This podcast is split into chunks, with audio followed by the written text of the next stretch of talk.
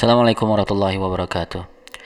أعوذ بالله من الشيطان الرجيم وإذ قال موسى لقومه اذكروا نعمة الله عليكم إذ أنجاكم من آل فرعون يسومونكم سوء العذاب ويذبحون أبناءكم ويستحيون نساءكم وفي ذلكم بلاء من ربكم عظيم. وإذ تأذن ربكم لئن شكرتم لأزيدنكم ولئن كفرتم إن عذابي لشديد. وقال موسى إن تكفروا أنتم ومن في الأرض جميعا فإن الله لغني حميد صدق الله العظيم ربي اشرح لي صدري ويسر لي أمري واحلل عقدة من لساني يفقه قولي Pada kesempatan kali ini kita akan mengambil inspirasi dari tiga ayat uh, di surah Ibrahim yang mana ini merupakan uh, ayat yang membahas kisah tentang Bani Israel ya. di dalam Al-Qur'an sering kita temukan kisah Bani Israel ini terutama di surah Al-Baqarah namun pada kesempatan ini kita akan uh, fokus kepada tiga ayat dari surah Ibrahim dan pelajaran di dalamnya yang juga berhubungan dengan Bani Israel. Di antara sejarah panjang Bani Israel, Allah Subhanahu wa taala memberikan kepada kita sebuah gambaran peristiwa kecil yang memiliki pelajaran berharga untuk kehidupan kita tentunya. Peristiwa ini adalah saat di mana Bani Israel melarikan diri dari Mesir, ya, melarikan diri dari kejaran tentara Firaun. Kita tahu bahwa Bani Israel selama beberapa generasi menjadi tawanan bangsa uh, bangsa Mesir ya. Mereka dijadikan budak dan hidup dalam bayang-bayang Firaun. Dan secara geografis sangat sulit bagi mereka untuk keluar dari negeri itu di satu sisi dijaga secara ketat oleh pasukan Firaun dan di lain sisi aliran sungai juga mengarah ke istana sehingga secara lokasi mereka ini terkunci dan sangat sulit untuk keluar dari wilayah tersebut. Dan perlu diakui juga bahwa selain sebagai diktator di wilayah kekuasaannya, Firaun juga ini seorang yang jenius. Ia tahu bahwa pentingnya menjaga populasi bangsa tawanannya. Maka salah satu kebijakan yang cukup terkenal adalah ia membunuh setiap bayi laki-laki yang lahir. Selain karena ia bermimpi ada bayi laki-laki yang lahir dari kalangan Bani Israel, ia akan merebut kekuasaannya menurut beberapa pendapat sejarawan, namun ia juga sadar bahwa memang ia harus tetap menjaga populasi agar tidak menjadi ancaman untuk kekuasaannya. Inilah gambaran bagaimana Bani Israel hidup dari generasi ke generasi. Anda bisa bayangkan seorang ibu yang harus menyaksikan putranya disembelih hidup-hidup dan tidak hanya itu dalam skala bangsa. Ya, yang skala bangsa yang besar harus hidup dalam tekanan seperti itu dalam kurun waktu yang lama. Ketika Allah Azza wa Jalla akhirnya membuka pintu untuk mereka, yang jalan ceritanya juga tidak singkat. Tetapi singkat cerita, mereka mampu keluar dari negeri tersebut melalui pertolongan dari Allah Subhanahu wa taala dan dengan terbelahnya lautan. Sehingga mereka bisa menyeberanginya dan melalui lautan itu juga Allah menenggelamkan Firaun dan bala tentaranya. Dan setelah keluar dari negeri tersebut sekarang di manakah mereka? Populasi yang banyak tadi sekarang tinggal di tengah padang pasir, meninggalkan harta benda yang tidak mungkin untuk dibawa. Bayangkan diri kita di situasi tersebut, tinggal di tempat yang sama sekali belum layak untuk dihuni, ada ancaman kelaparan, kekurangan makanan dan seterusnya. Selamat dari kejaran Firaun, ya, namun dihadapkan dengan situasi yang juga tidak mudah. Di bawah pimpinan Musa alaihissalam di momen tersebutlah beliau berpidato dan Musa alaihissalam sadar akan situasi yang dihadapi bangsanya ini. Dan dia berusaha menyampaikan pidato kepada bangsanya tersebut wa il qala Musa liqaumihi dzkuru ni'matallah Wa idh qala Musa liqaumihi dzkuru ni'matallahi 'alaikum id anjakum min ali fir'aun. Jadi Nabi Musa alaihissalam berkata kepada kaumnya, ingatlah nikmat Allah kepada kalian ketika ia menyelamatkan kalian dari Fir'aun dan bala tentaranya. Ingatlah dan sebutlah nikmat Allah tersebut. Dan tentu jika disebutkan nikmat-nikmat Allah, kita menyebutkan biasanya nih fasilitas makanan, minuman, kendaraan dan lainnya yang membuat kita hidup nyaman.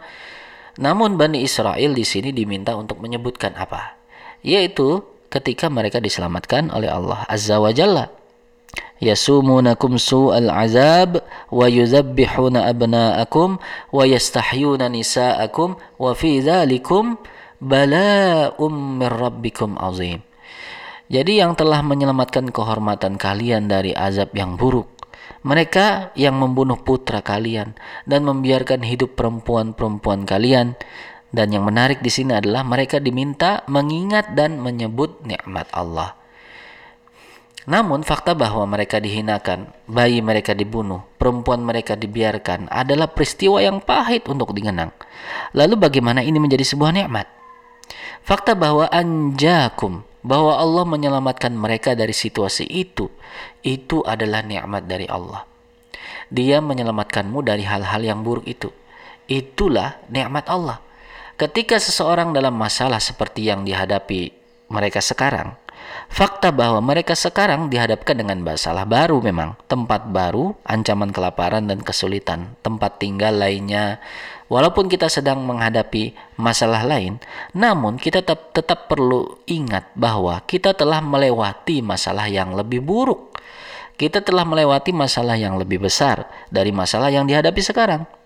Jadi langkah pertama dalam bersyukur adalah bukan mengingat hal fasilitas mewah yang telah diberikan kepada kita, di sini Musa alaihissalam mengingatkan kaumnya melalui Quran dan tentu menjadi pelajaran penting buat kita semua adalah dengan mengingat kejadian yang lebih buruk yang mana Allah mengeluarkan kita mengeluarkan kita semua dari situasi tersebut. Jika Allah mampu menyelamatkan diri kalian dari penguasa tiran sepanjang sejarah, pasukan terkuat yang pernah ada dalam sejarah, wa fir'auna zil autad allazina fil bilad, itu tanpa sepeser pasukan pun, mengapa kita tidak bersyukur atas hal tersebut? Selanjutnya yang menarik lagi adalah tentu kita mengira Musa alaihissalam akan memberikan khutbah tentang sabar. Mengingat mereka sekarang dihadapkan dengan kesulitan baru. Namun, namun Musa alaihissalam selanjutnya berkata, Wa iz ta'azzana rabbukum la in syakartum la azidannakum. In kafartum inna azabi lasyadid. Ingatlah ketika Tuhanmu memaklumkan mendeklarasikan bahwa jika kamu mampu bersyukur, maka aku berjanji bahwa aku akan menambahkan kepada kalian tambahan yang banyak. Jadi khutbah beliau ini bukan tentang sabar. Beliau tidak mengatakan jika kamu sabar maka ia akan menyelesaikan masalahmu.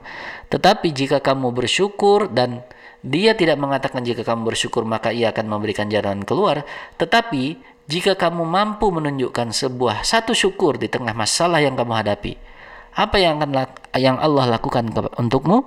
Karena di situasi yang rumit orang akan cenderung orang akan cenderung akan berpikir tentang masalah. Pikirannya diliputi masalah dan berusaha untuk keluar dari masalah itu. Dan pikiran kita dipenuhi dengan prasangka negatif. Tapi Musa alaihissalam memberitahu kita melalui Quran yang menjadikan ini pelajaran abadi. Bahwa kita harus mengalihkan hati dan pikiran kita untuk mulai berpikir hal yang positif yang telah kita terima dan lalui. Fokus kita adalah apa yang membuat kita harus bersyukur. Syakartum adalah latihan emosional dan spiritual yang mengarahkan hati dan pikiran kita untuk terus mencari hal-hal yang harus kita syukuri. Jadi di era saat ini di mana ilmu pengetahuan berkembang pesat, semua konsultan dan terapis terbaik dunia memberikan saran yang sama yaitu memulai dengan berpikir positif. Jadi di saat kita mampu bersyukur di situasi yang rumit, maka Allah berjanji kepada kita dengan janji yang penuh penekanan bahwa Dia akan menambahkan dia akan meningkatkan. Mungkin kita mengira ini ini sangat ambigu karena tidak disebutkan apa yang ditambahkan. Karena jika kita mengatakan ingin ditambahkan, tentu kita butuh hal yang jelas, ya kan? Apa yang ditambahkan? Seperti doa kita misalnya Rabbi zidni ilma. Ya, ya Rob tambahkanlah ilmu pengetahuan. Namun di ayat ini Allah tidak menyebutkan dalam hal apa itu ditambahkan. Dia tidak mengatakan la azidannakum sabran, la azidannakum ni'matan. Mengapa? Karena dia tahu bahwa kita di situasi yang sulit dan apa yang kita butuhkan ini banyak. Jadi dia memberikan kita itu tambahan kebaikan tanpa batasan. Namun ada situasi kebalikannya. Ya. Rabbi zidni ilman. Jika kamu berani menunjukkan kekufuran, jika kamu berani menunjukkan kekufuran, wala in kafartum.